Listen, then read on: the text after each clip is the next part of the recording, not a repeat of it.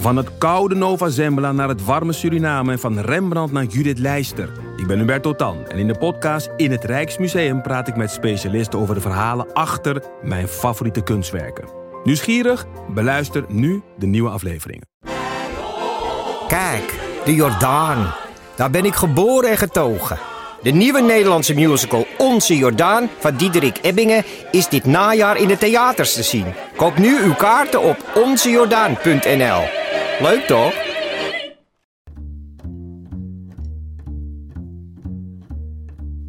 Hallo, vanaf de redactie van de Groene Amsterdammer is dit uw wekelijkse podcast. Ik ben Kees van der Bos.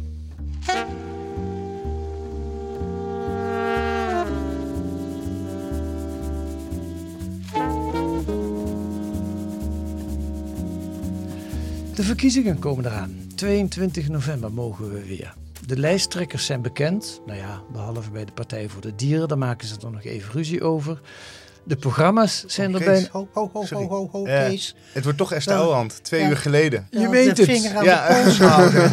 Dit is twee uur geleden bekend Ja, geworden. Ja, sorry. Ja. als Ik heb je echt nog nooit onderbroken in de Ja, intro. jeetje, nee. Eh. Nee, dank jullie wel, want dat is natuurlijk heel pijnlijk als ik... eh, eh, Maar dit, dit blijft gewoon op de band staan. nee, nee, nee, hopen? nee, nee, nee, nee, we gaan helemaal opnieuw beginnen. nou, Ah, misschien ook wel trouwens, nou. misschien ja, ook wel. zo leuk. De Kees van verkiezingen, Bos maakt een fout, luisteraar. de verkiezingen komen eraan. 22 november mogen we weer. En de lijsttrekkers zijn bekend. Zelfs bij de Partij voor de Dieren hoor ik net. Esther Ouwehand eh, mag het doen. Ehm, de pro- programma's zijn er ook bijna allemaal, dus de discussie kan losbarsten. Maar daar zit nu net de pijn. De inhoudelijke discussie over het beleid.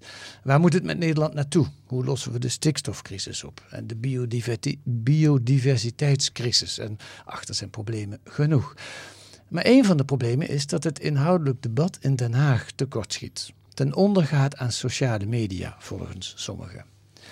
Jan Tromp, oud-parlementair verslaggever voor de Volkskrant in de jaren 70, nou toen voor de VARA, later de Volkskrant. En Koen van de Ven, de eigen politiek verslaggever voor De Groene, onderzochten samen de relatie tussen journalisten en politici, tussen pers en politiek. En ze schreven er een mooi boek over, Wantrouwen in de wandelgangen, dat deze week uitkwam. Welkom in de podcast, Jan en Koen. Dank je. Dankjewel. Ja.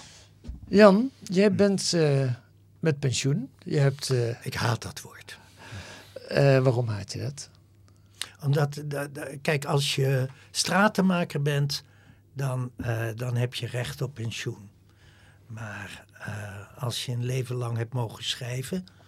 Kijk, dat, dat is een activiteit waar geen, die niet leeftijdgebonden is. Dus ehm, ik vind het een, ik vind het een, een, een naarstempel dat doet denken aan afgeschreven te zijn. En daar heb ik me nu al, eens even kijken, zeven jaar tegen verzet. Met enig succes. Ja, en nu ook weer met succes, want er ligt hier op tafel een boek van, eh, eh, voor een deel van jouw hand. Ehm, nou goed, stel dat je eh, de pensioen schaffen we af en je mag weer parlementair verslaggever worden in Den Haag in deze Ja. nieuwe tijd. Ja, Denk je dat dat? ja dat lijkt me buitengewoon interessant. Zij het een stuk moeilijker dan in mijn tijd. Moeilijker. Moeilijker, ja. Waarom? Nou ja, eh, ik zou bijna zeggen, eh, lees het boek. En, ja, maar mensen en- die het niet gelezen Nee, hebben. nee, nee. Nou, die, die reik ik de ondertitel aan. Ja. Namelijk hoe pers en politiek van elkaar vervreemd raakten. Eh, ik ben inderdaad een, een, in zekere zin een kind van de eh, jaren zeventig. Heb in de jaren zestig, begin jaren zeventig politicologie gestudeerd. En eh, kwam, eens even kijken, inderdaad voor de VARA eh, in Den Haag terecht. Als eh, politiek verslaggever van een rubriek die heette Dingen van de Dag, een radiorubriek. En je werd, ik was, ik was jong en ik was groen, maar je werd ogenblikkelijk opgenomen in, die, in die wereld. Als je, kijk, je, het engagement van je studie, dat kon je zonder enige onderbreking, zonder enige barrière eh, voortzetten eh, in Den Haag. Ook daar heerste een klimaat van permanente discussie. En dat vond ik zo buitengewoon weldadig. En het bleek ook buitengewoon verslavend eh, te zijn. Wel nu, ik maak een hele grote sprong. Ja. Die, de, die atmosfeer van discussie, laat staan permanente discussie met politici tussen journalistiek en, eh, en politiek. Je hoorde En- er ook bij op een bepaald Jawel, maar je, de- zeker. Maar eh, ieder was zich wel bewust van het eigen domein en de eigen rol. Maar daarbinnen, ja, daarin we- werd alles in eh, vrijmoedigheid besproken. En dat is totaal kapot gemaakt.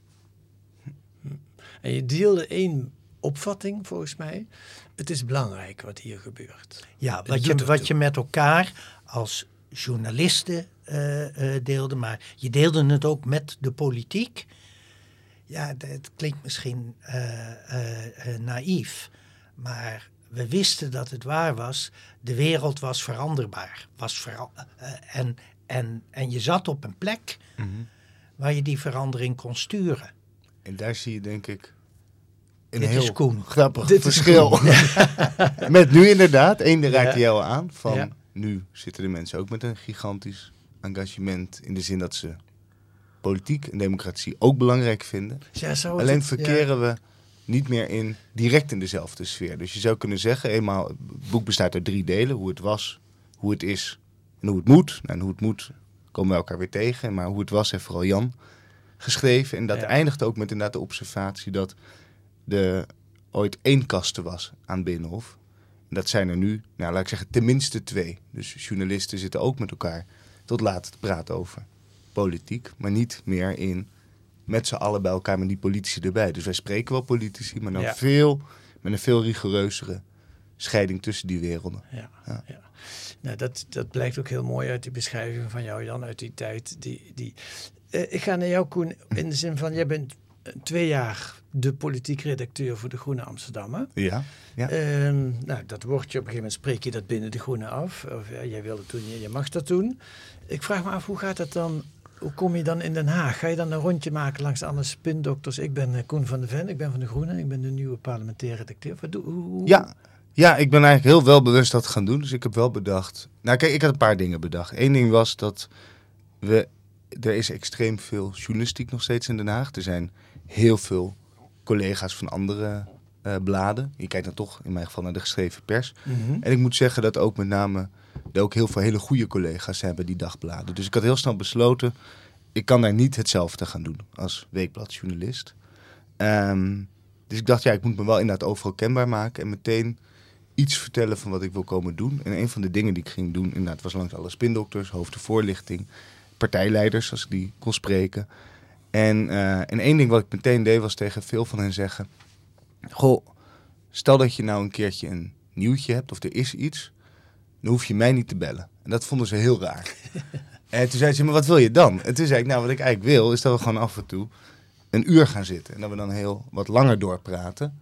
En dat mag, eh, en dan zorg ik ervoor dat ik vragen bij me heb, maar dat hoeft niet, niet altijd de agenda te zijn. Eh, en dat heeft gewoon mee te maken met, ja, je werkt voor een weekblad, dus je moet kijken of je grotere lijnen kan zien en ontdekken. En dat werd wel mijn, ja, dat is nog steeds voor een groot deel mijn werkwijze, om af en toe aan te sturen op wat langere gesprekken. Ja. Maar, Maar zo jong als Ja. die is, hè, Koen, Ja. dit is wat hij nu schetst, is old school. Zo ging het. En als ik iets normatiefs mag zeggen, zo, eh, zo hoort het ook te gaan. Maar, Dus, dus, dus de geilheid op het eh, pseudonieuws, door sociale media enorm aangeblazen, die kenden wij niet in, eh, in de jaren zeventig. die gerichtheid op, op, die, op die scoops en op uh, ja, maar op het, op het, op het eh, nou ja, wat, wat met die VARA-rubriek heette, het nieuws van de dag. Ja. Maar daar was je, kijk, het ging, en daar gaat het Koen ook om. En daarom eh, maakt hij ook zulke mooie verhalen voor, eh, voor dat prachtblad. Waar het Koen om gaat is om eh, wat er achter het nieuws zit. En, en, en Koen is ideologisch eh, georiënteerd.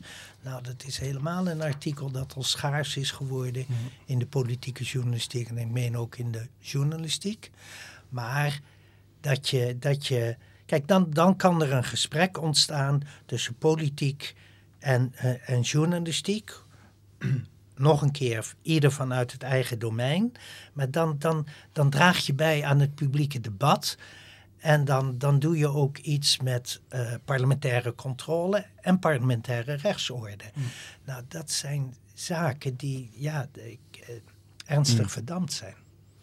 Ja, wat er voor in de plaats gekomen is. Want laat ik maar eerlijk zeggen, in de eerste instantie werd ik een beetje neerslachtig van jullie boek. Ja, Eh, de- kan me voorstellen. de- en in tweede instantie, en dat hoop ik ook dat dat in dit gesprek gaat gebeuren, zag ik ook wel weer iets moois gloren. eh, Ja, maar, maar voorlopig zitten we nog in de dalles. Sorry, Kees. Ja, er zit ook, ik ben optimistischer, geloof ik. Dat zit ook in het slothoofdstuk. Ja, er zit een verschil. Goed, dan gaan we eerst Ja. even lekker met, met Jan, maar jij mag meedoen ook Koen. Dan gaan we het, het dal eh, in. Nou ja, er zijn nu heel veel Kamerleden. Dat was bij de vorige Tweede Kamerverkiezingen overigens niet anders. Toen waren er 45 vertrekkende Kamerleden. Nu zijn er geloof ik inmiddels al 35 of zo, in de 30. Ehm, maar die hebben, nemen dan afscheid. eh, vaak met een brief die voorgelezen wordt in de Tweede Kamer. Ja. En ehm, nou ja, Sjoerd Sjoerdsma, die heeft elf jaar in de Kamer gezeten. Ehm, die doet dan de oproep. Laat de parlementaire pers en de redacties van talkshows zich bezinnen op de rare mix van sportverslaggeving, wie wint er en wie verliest, en de persoonscultus. Hè? Wie doet het slecht, wie doet het goed en wie was het meest opvallend. Eh, die van de Haagse journalistiek is gemaakt. Mag het weer over beleid gaan en wat dat voor Nederlanders betekent? Nou begrijp ik uit jullie bijdrage net hier dat je eigenlijk allebei hierdoor niet aangesproken voelt, want jullie zijn allebei... Nou, in die zin wel aangesproken dat, we, eh, dat eh, ik het buitengewoon goed herken. toch Dat wel. het, jawel, eh, wat Sjoerdsma hier beschrijft, is volgens mij de keiharde realiteit. In ons boek halen we bij wijze van voorbeeld, maar de voorbeelden zijn eindeloos. En, en, en ehm, nou ja, wat ze gemeenschappelijk hebben is dat ze deprimeren. We halen Frank Weerwind aan, de Ja. minister voor Rechtsbescherming, die als ehm, burgemeester van Almere eh, in besturen zat van goede doelen. Eh, het goede doel red het kind en het goede doel eeuwig op de fiets. Iets, iets van die orde. En eh, wat besturen doen is vergaderen. En dat doen ze niet altijd in Almere. Dus die weerwind, die moest nog wel eens, laten we zeggen, naar Assendelft. En dat deed hij, jawel. Hij deed dat in de dienstwagen. En daar kwamen wij, journalisten, kwamen daarachter. Vorig En- jaar, hè? vorig jaar. En we eh, verdrongen elkaar om eh, de bewindsman te vragen of hij nu zou aftreden. Want dit was toch hè, naar je, nou ja, wat stond er op Twitter? Naar je, naar je bijwijven gaan. Bij de- vrouwen, geloof bij vrouwen Ja. gaan in de, in de dienstwagen. Aftreden die eh, vent. Nou, die hysterie, zo noem ik het, Mm. zo, eh, dat embleem verdient het. Die heeft zich in belangrijke mate meester gemaakt van de politieke journalistiek. Het is bij mij verteld trouwens die laatste vraag van moet je dan meteen aftreden? Als dat de enige vraag is. Want eh, dat is, kijk, een ding waar ik bijvoorbeeld wel heel optimistisch over ben. En we gaan er zo meteen langer hoor. Maar is, kijk, dat er op zich dat een verhaal oplevert en een bericht. Dat vind ik eigenlijk helemaal niet erg. Ik vind namelijk ook gewoon heel goed dat die controlefunctie er is. Je draagt ook bij aan je samenleving door een dualistische houding. Maar Vind je wat- dat wat- ook- Hanteren, Nee, want maar- ik, ik weet bij Ja. God niet wat, wat Koen bedoelt. Wat controleer je dan in vredesnaam? Nou ja, op dit moment in klein detail. Je legt een vraag in de samenleving neer. God, stel dat je inderdaad die functie hebt. Je hebt ook elders een functie. Mag je dan met diezelfde auto erheen? Het Nee, antwoord, het, antwoord kan... luidt, het antwoord luidt nee, want het was niet volgens de regeltjes. Ja. Maar je, je kijkt toch, toch voorbij de regeltjes en je kijkt toch voorbij het pure formalisme. En als je ziet dat eh, die man dat doet eh, ter, ter wille Mhm. van het algemeen belang, dan ga je daar toch geen issue van maken. Dan ga je daar zelfs geen bericht van maken. Dan ga je over naar belangrijker kwesties. En die zijn er genoeg. Ja, nou, die, dat, met het laatste ben ik eens. Er zijn er genoeg. Ik, ik, ik denk dat ik meer moeite heb met het gewicht dat er aan wordt gegeven... dan dat er over wordt bericht. En daar zit een beetje mijn, mijn positie. Ik ben eigenlijk juist wel heel erg ook voor die controle van die kleine dingen. En dat die vraag wordt gesteld. Het enige wat me wel opvalt is dat er wat weinig ruimte is... voor gewoon inderdaad het verhaal daarna. Dus inderdaad wat jij schetst... Luister, ik ging ook van publieke functie heen. En in dat geval vind ik dat prima. Eh, er is heel weinig mededogen voor eh, de controle die we doen. is inderdaad, en dat vind ik wel een fijn eh, begrip. Het komt in ons boek ook één, twee keer voor. En dat hebben we wel bewust opgevoerd. Want ik denk dat daar in, in de waarde eh, van dat begrip, en het is een fijn ouderwets woord, eh, in de waarde van, van mededogen ligt een sleutel naar verbetering. En daar zit trouwens ook... Dit, Ja, dit, ja. dit bedenk, als, als ik even mag. Aan, aan gisteren was er ook zo'n incident. Eh, de woordvoerder van Pieter Omtzigt eh, Oh ja. is, is na vier of vijf of zes uur weer afgetreden. Drie. Ja, ja, ja. En ik, dat vond, ik weet niet wat jullie daarvan vinden. Dat staat dan vandaag in een drie kolommetje, zag ik het in de NRC of in de Volkskrant. Zo hoort het, denk ik. Je moet, ik snap dat je dat moet vermelden, want het is natuurlijk gek wat er is gebeurd. Maar je moet daar niet een grote kwestie van maken. Of moet je dat ook helemaal niet opschrijven, Jan? Eh, dat is een afweging. Maar kijk, wat je. ehm, even denken, hoe moet ik dat formuleren? Eh, relativering is het woord dat, eh, dat bij me opkomt. Dus je moet het misschien wel brengen, maar op een linkerpagina Ja. Onderop. Dat bedoel ik eigenlijk Ja. ook. Dus Ja. je, eh, je neemt het mee, je laat aan de lezer weten, niks ontgaat ons. Ja. Ook het onbelangrijke Ja. ontgaat ons niet. Maar zullen we het in vredesnaam hebben over de zaken die echte zaken doen. Oké, tot, zo, tot zover de voorbeelden. Nu, wat, ik, wat mij aansprak, en volgens mij jullie ook op een bepaalde manier aansprak, je bent bij Sibrand Buma geweest. Nu burgemeester van Leeuwarden, eh, voorheen fractievoorzitter van het CDA en daarvoor Kamerlid van het Ik geloof dat hij al 17 jaar in de Kamer heeft gezeten. Waarom was dat een indrukwekkend bezoek, Jan?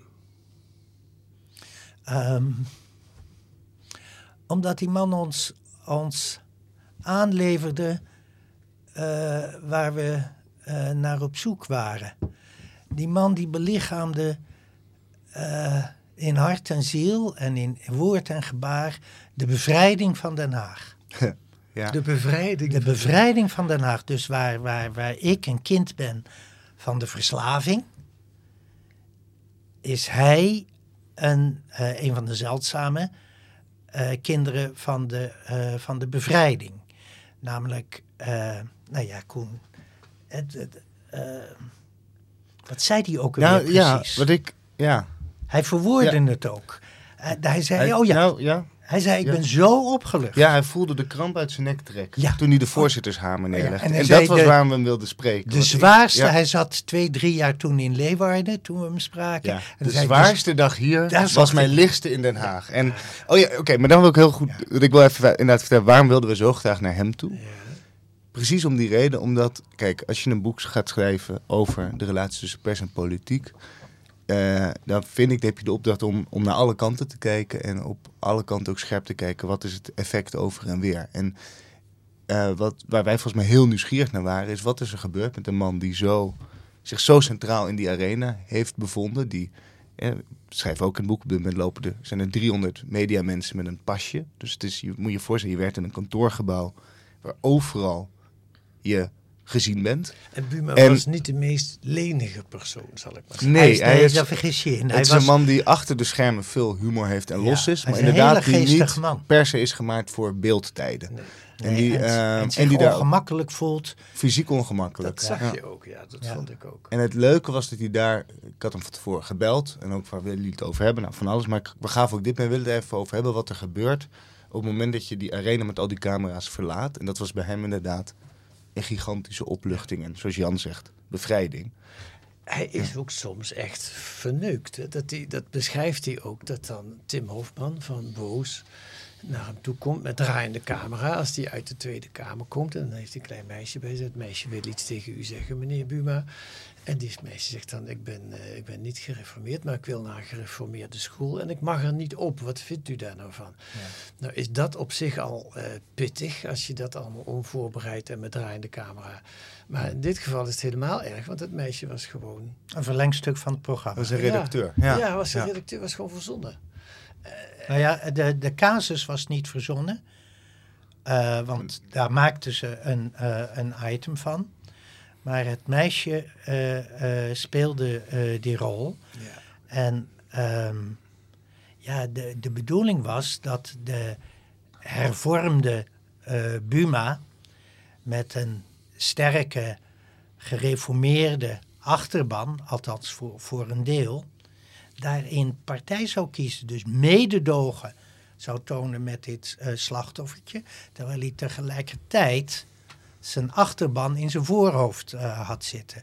Dus hij werd een beetje uh, klemgereden. Op zichzelf is dat Ja. niet verboden, maar wel als het fake is. Ja, ja maar dat, dat is dan de vraag die ik aan jullie allebei voor wil leggen.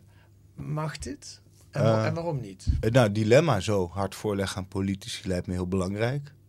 In gesprekken en ook De casus. casus dus. In dit geval, eh, trouwens, Tim Hofman is daar zelf ook kritisch over. Die bedrijft inmiddels ook ander soort journalistiek. Eh, die hebben we natuurlijk ook gesproken hiervoor. Ja, dus Eh, dus geen maar het gaat eigenlijk om het voorbeeld van...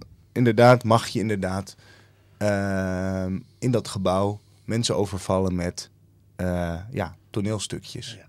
En daarvan, en hij zegt dat heb ik als ja, bedreigend ervaren. Want ik word eigenlijk, ik moet me de hele tijd komen de kamers op me af. En ik weet eigenlijk niet wat echte vragen zijn, wat niet echte vragen zijn. Ja. En ehm, kijk, wat je er volgens mij doet, weet ik niet zo goed. Maar ik vond het in ieder geval een hele belangrijke illustratie van wat het doet Zeker. met politici om op die manier in, om in zo'n omgeving te- rond te lopen. Want wat er, Ja. mag ik zeggen, Ja. in twee zinnen, wat eronder ligt, en eh, ja, dat moet je proberen te begrijpen, is scoringsdrift vanuit de journalistiek. Zo wordt het in ieder geval door eh, politici eh, vertaald. Vandaar ook de verzuchting van Buma. Vroeger wist ik of een journalist links was of rechts. Ja. Nu weet ik niet meer waar die staat. Ik weet nog één ding. Die journalist wil kijkcijfers, die journalist wil scoren. En om dat te bereiken, moet hij mij verneuken. Nou, dat was samengebald, zo mooi kort, handzaam eh, geformuleerd. eh, wat, de- wat, het, wat, wat een deel van de Haagse actuele werkelijkheid is. De politiek overigens heeft tegenover die heeft het scoringsdrift zelf uitgelokt. regeldrift. Een Ja. enorme regeldrift. eh eh, Die, Nou ja, die spindokters. Ik moet zeggen. voilà. ik, ga- ik kan ietsje scherper zeggen. We hadden het even over het woord eh, mededogen. En tegenover staat medogeloosheid. Eh, Oh, ja. Kijk, als je.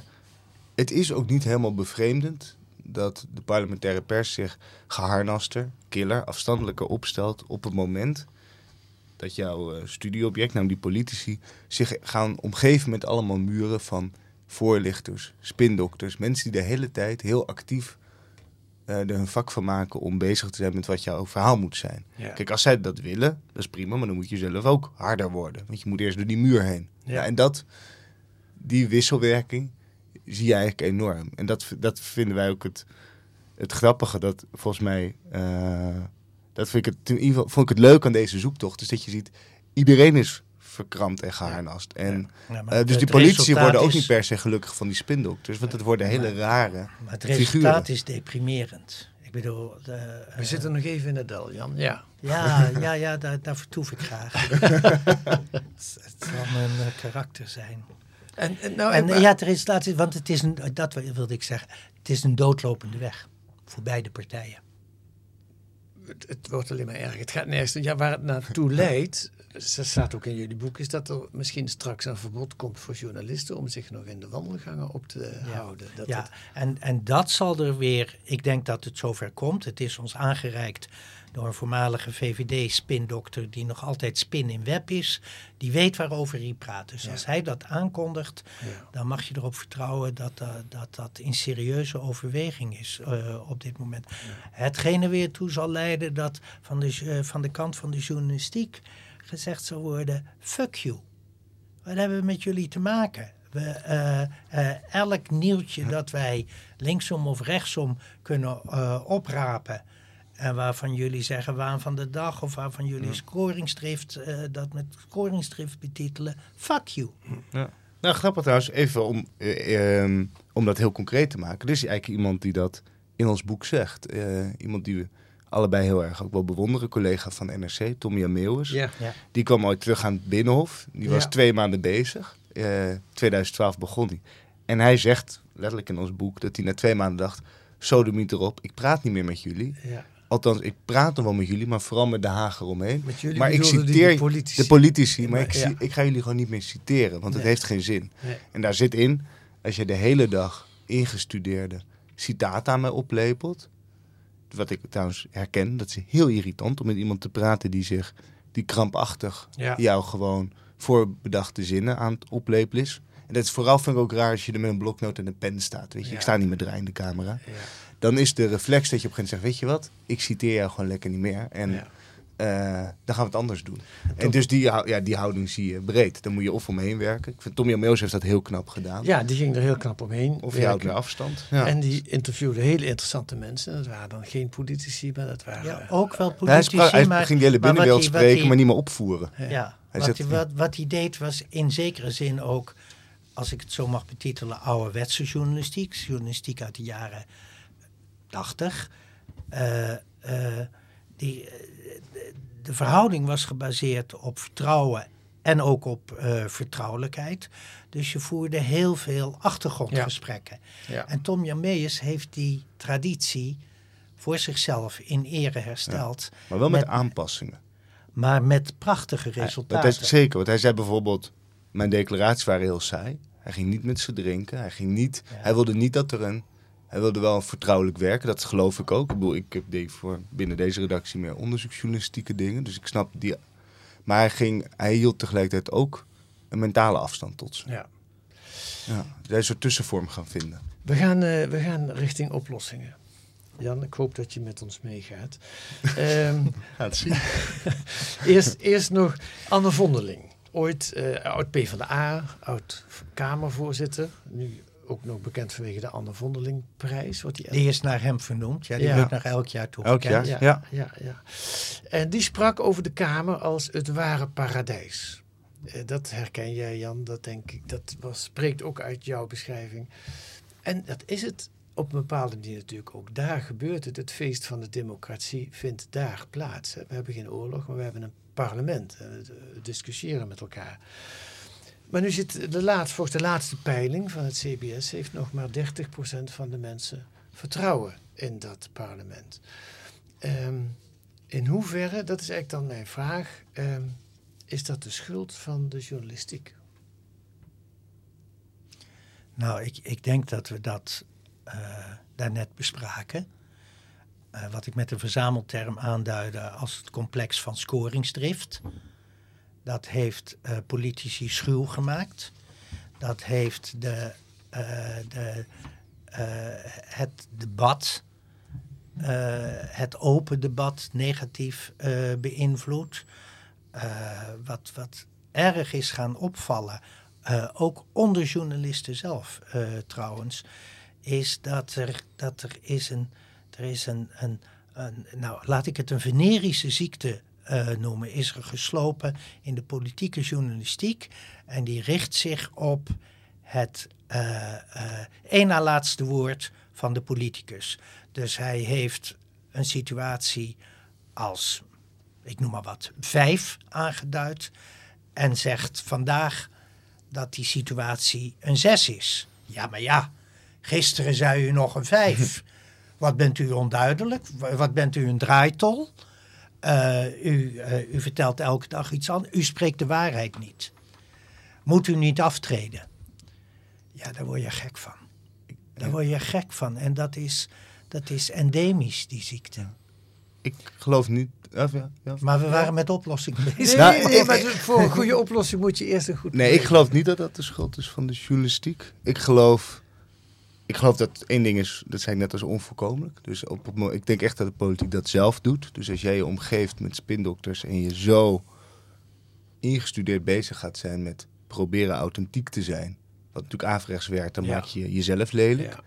Ik denk ook echt dat juist het En, Oh, oh ja, ik wil nog Ja? een paar. Ja, en ik vind dat op het moment dat je als journalist, en met name de onderzoeksjournalistiek doet dat, maar ook voor parlementair journalisten, als je, op het moment dat je kiest voor controle, lever je een hele wezenlijke bijdrage aan de journalistiek. Het enige wat ik zie, en dat is heel, ik, wat ik heb, heel erg heb geleerd ook van het lezen van Jansen deel en vanzelf nu mijn, de wereld waar ik me begeef bestuderen, en dat zeg ook het nawoord, is je hebt twee assen. eh, in die parlementair journalist. En de ene is controle en de andere is begrip. En ik denk eh, dat we nu zitten we heel hard aan die controlekant. En hebben we minder begrip. En ik denk dat het vroeger andersom was. En wat er verloren gaat, is dat als je, ehm, is dat als je alleen nog maar controleert, je vergeet om te beschrijven waarom die mensen, die 150 volksvertegenwoordigers daar, eh, doen wat ze doen. En ik vind altijd, ik probeer ook altijd heel scherp te schrijven over partijen en politici en ook hun misstappen. Maar ik heb mezelf altijd beloofd toen ik naar Den Haag ging, ik wil ook opschrijven waarom mensen daar doen wat ze doen en waar ze van dromen en wat hun idealen zijn. En dat kan heel kritisch zijn. Dat kan een heel kritisch gesprek zijn over waarom geloof je dat? Wat, waarom is dat je overtuiging? En dat met name dat allerlaatste stukje, dat vind ik, dat is best afwezig. Terwijl dat een heel wezenlijk deel van de journalistiek kan zijn. Ehm, ja. Ja, en, en, en denk ik, de betonrot is ook naar binnen geslopen in de extreemrechtse partijen die binnen het parlement de meest Ja. verschrikkelijke dingen over dat parlement mogen zeggen en toch mogen blijven zitten. En Ja. Dat geeft natuurlijk ook een hele.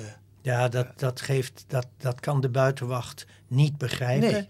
En de buitenwacht hoort dat ook niet te willen begrijpen. Nee. Als, een, als nu, de nu Nestor van de Tweede Kamer, 25 jaar in de Kamer. Hij kreeg een zilveren koetsje en hij glom als een aap in Artus. Geert Wilders. dat ze Ge- oh ja, Geert Wilders. ja, ik zeg, zeg Ja? het even bij. Ja. Als die bij herhaling, dus niet slip of the tongue, maar bij herhaling het over zijn eigen huis heeft als het nep-parlement. Van deze, met deze maffia-regering. Ja, wat, wat, wat, wat, wat moet je als toeschouwer dan nog serieus nemen? Maar hoe moet je daar als journalist mee omgaan? Ik vind altijd door gewoon heel, kijk, heel hard te beschrijven en te benoemen wat mensen zijn en doen. Dus bijvoorbeeld, ik, nou, er is een tijd geweest dat ik best wat meer over Vorm voor Democratie schreef. En daar hoorde bij mij, fijn- ik vind wel, je praat gewoon met alles en iedereen. Dus ik sprak ook met hen en ik kwam daar. Maar ik schreef ook op als iets gewoon racistisch was.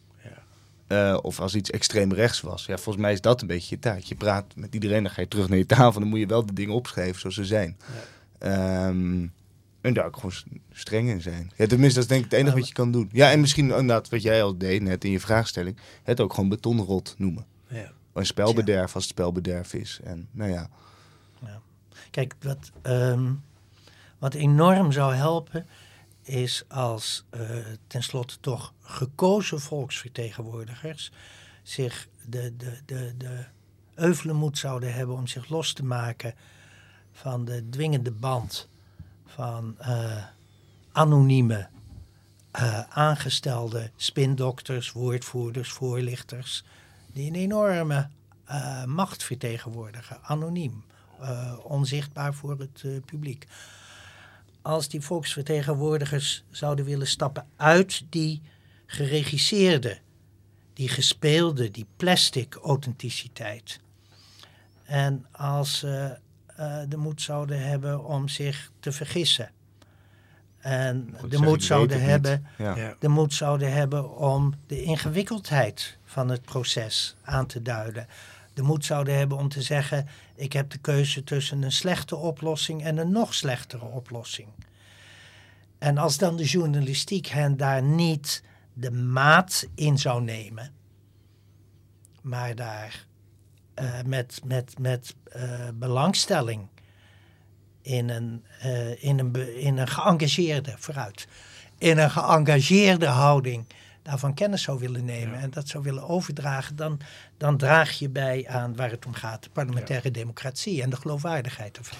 Ja, een van de problemen als je over een oplossing praat, is denk ik, eh, als je het hebt over de politiek of de journalistiek. Binnen Ja, die clubs heb Ja. je eigenlijk clubs waarvan je vindt die horen er helemaal niet bij. Nee. Zowel bij de journalistiek als bij.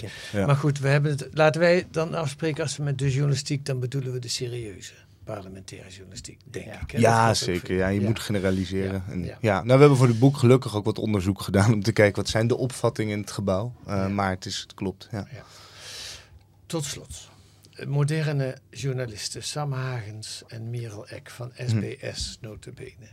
Die, die, dat vond ik wel mooi. Dat zijn moderne, eh, Merel, die, die eh, zie je nog wel eens op televisie vragen stellen, irritante vragen stellen in de ogen van Mark Rutte, aan Mark Rutte. Dat zijn een voorbeeld van de nieuwe generatie eh, politici Waar jij er eigenlijk ook een van De bent. journalisten, Eh, ja, sorry, ja. journalisten, ik verspreek me.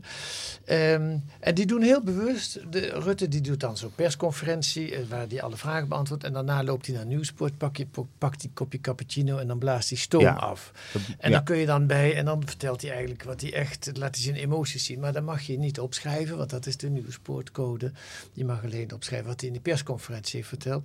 Je mag het wel weten wat hij bij dat kopje cappuccino vertelt, maar je mag het niet herleidbaar naar Ja. een bron opschrijven. hè. Dat is de Nieuwsportcode. Ehm, bij jou voel ik wel een zekere sympathie, Koen, voor eh, Sam, Sam Hagens en Merel Eck, voor die houding. Ja, dat heeft ook te maken met het, met het genre dat ze doen. Dus ze zijn televisiejournalisten. En, ja, en ik vind ze vooral. eh, ik, vind, ik vind ze vooral een heel goed voorbeeld van. Misschien wel het meest extreme voorbeeld van de houding die heel erg aan de controlerende kant zit. Dus we gaan eigenlijk alleen nog maar gewoon. We gaan niet of het werkend praten. We praten niet op achtergrond. We komen een draaiende kamer en we bevragen u scherp. Ehm, en het valt wel op, dat zeggen ook veel mensen. De wekelijkse persconferentie inderdaad met de premier, met Mark Rutte op vrijdagmiddag, is ook een stuk scherper geworden. En eerlijk gezegd, ook als je hem terugkijkt, wat ik vaak doe, ik ben er eh, niet vaak bij, maar kijk hem heel vaak, eh, is die ook gewoon wel interessanter geworden. En vervolgens heb je dan ook nog het dilemma. Ja, voor mij legt hij het al uit, maar nog heel kort in twee zinnen. Je hebt het officiële onderwerpgedeelte dat ook wordt gelivestreamd en waar heel Nederland naar mag kijken. En je hebt inderdaad de nazit met de premier en dat vindt dus plaats op achtergrondbasis. Ja, en daarbij viel het me gewoon op. Ik ben daar wel een paar keer geweest. Dat gewoon heel veel jonge collega's weglopen en oudere collega's wel gaan. Ehm, ja, en ik denk dat het. En ik heb daar een soort tussenpositie in. Dus ik, ik ben zelf van de school, als ik, een hele, als ik vragen heb, gerichte vragen, ga ik daarheen. Want dan is het voor mij een kans om iets te checken of te controleren bij Mark Rutte in dit geval. Ehm, dus dat is, mijn, dat, dat is mijn manier. Als ik een vraag heb, weet ik, dan kan ik hem daar stellen. En dat is voor mij informatie en een bron is een bron. Ja. Eh, en tegelijkertijd snap ik, want de afkeer, die moet ik dan even beschrijven van andere collega's die niet gaan, is, ja, ik heb net allemaal vragen kunnen stellen. En waarom zou ik, het is namelijk ook echt een informele setting, waarbij je een beetje koffie drinkt, een beetje lacht met elkaar en een beetje kletst. Waarom zou ik daarbij willen horen? En dat ongemak, eh, dat snap ik eerlijk gezegd heel goed. Want waarom zou je die vraag die je te stellen hebt niet in het officiële gedeelte stellen? Eh, nou, eh, omdat, nou, Het, het, het gaat Het, om... het is een soort. De, de vraag bijvoorbeeld. Nee, nou, ik wilde wel. Ik ga het gewoon vertellen. Ik heb wel eens de vraag gesteld. Die ging over eh, een koerswijziging van de VVD. Ja. Hoe ze zich verhielden tot radicaal rechts. Dat is nou typisch zo'n vraag. waarvan ik gewoon weet dat ik een veel openhartiger antwoord krijg. als ik dat hem, aan hem vraag op die plek. Dus ik was heel bewust daarheen Ja. gaan. Want ik was Ja. bezig met een analyse van hoe verhoudt het midden zich tot flanken. Maar je mag niet gebruiken wat hij daar zegt. Nee, maar een dag later ben ik wel ergens anders. Dan spreek ik met andere VVD's. Zeg, goh, begrijp dat jullie strategie hebben verlaten. en dat weet ik uit de partij toch. Het is kennis. Het is gewoon kennis. Ja. En, dat, en kennis, dat is het enige wat je moet doen. Voor mij is nooit op één manier. Je moet gewoon met die kennis naar andere mensen met Ja. ook kennis. En Ja. dat de hele Kennis tijd kunnen tegen ze je elkaar. niet afnemen. Ja, en dat is dus... Ik ga alleen als het heel gericht nut heeft. En maar jij, goed, eh, maar nou ja, kijk, ik, eh, ik, de- misschien raar genoeg begrijp ik die, die weerzin van deze radicale jonge collega's heel goed. Want de, de, de, de tijd die ik als mijn hoogtij reken, die wordt wel aange- aangeduid als klef.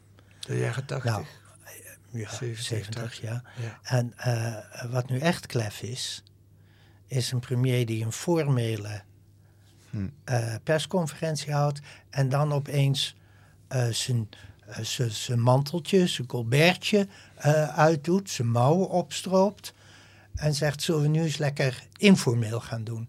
dat is, dat is, ja, Ja. dat is de, de, de, de, de, de, de regie de ge- geconstrueerde regie ten voeten uit. Daar moet je niet bij willen horen. Nee. Dat is wat anders dan het samen overleggen in de wandelgangen, zoals je dat in de jaren 70 Ja, je 80 komt deed. elkaar tegen en je ouwe hoort. eh, want de- ja, dat, dat kon over de voetbalwedstrijd van de vorige Hm. avond gaan. En dan was het apropos. Hoe zit het? Of hebben jullie nog in de fractie vandaag over dit en dat Ja. eh, eh, gesproken? Daar lag niet een regie a- eh, achter. Dat was niet vanuit de Rijksvoorlichtingsdienst als opdracht aan de minister-president meegegeven. Van ga daarna, doe daarna even je manteltje uit en drink een kopje koffie. En zeg, goh, wat leven we toch in een gaaf land. Jan Tromp en Koen van de Ven, dank jullie wel voor jullie mooie boek en voor dit gesprek. Dankjewel.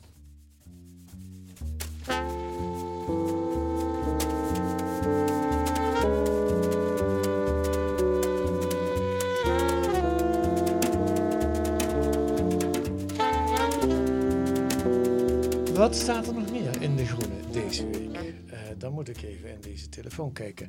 Een onderzoek naar de rol van notarissen uh, bij het voorkomen en opsporen van fraude. Want die notarissen hebben een geheimhoudingsplicht en een meldplicht over dubieuze geldstromen.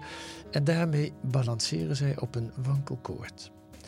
En een achtergrondverhaal over Iran. Een jaar na de dood van Masha Amini. U weet wel, die vrouw met de, de hoofddoek. De sociaal-culturele revolutie wint ondergronds nog steeds aan kracht. Een hoopvol artikel, zo wordt geconcludeerd. Er is geen weg terug. Lees dat in De Groene met een abonnement of een proefabonnement. Ga naar groene.nl, daar wordt u dat allemaal uitgelegd. Wilt u reageren op deze podcast, dan kan dat via de mail. Ons adres is podcast.groene.nl. U kunt ons ook sterren geven in uw podcast-app, daar worden wij weer gelukkig van. Volgende week zijn we er weer met analyses en achtergronden bij het nieuws in deze podcast van De Groene Amsterdammer, die deze week werd gemaakt door Mats Koeper en Kees van der Bos. De muziek is het Tune for N van Paul van Kemenade. Tot volgende week.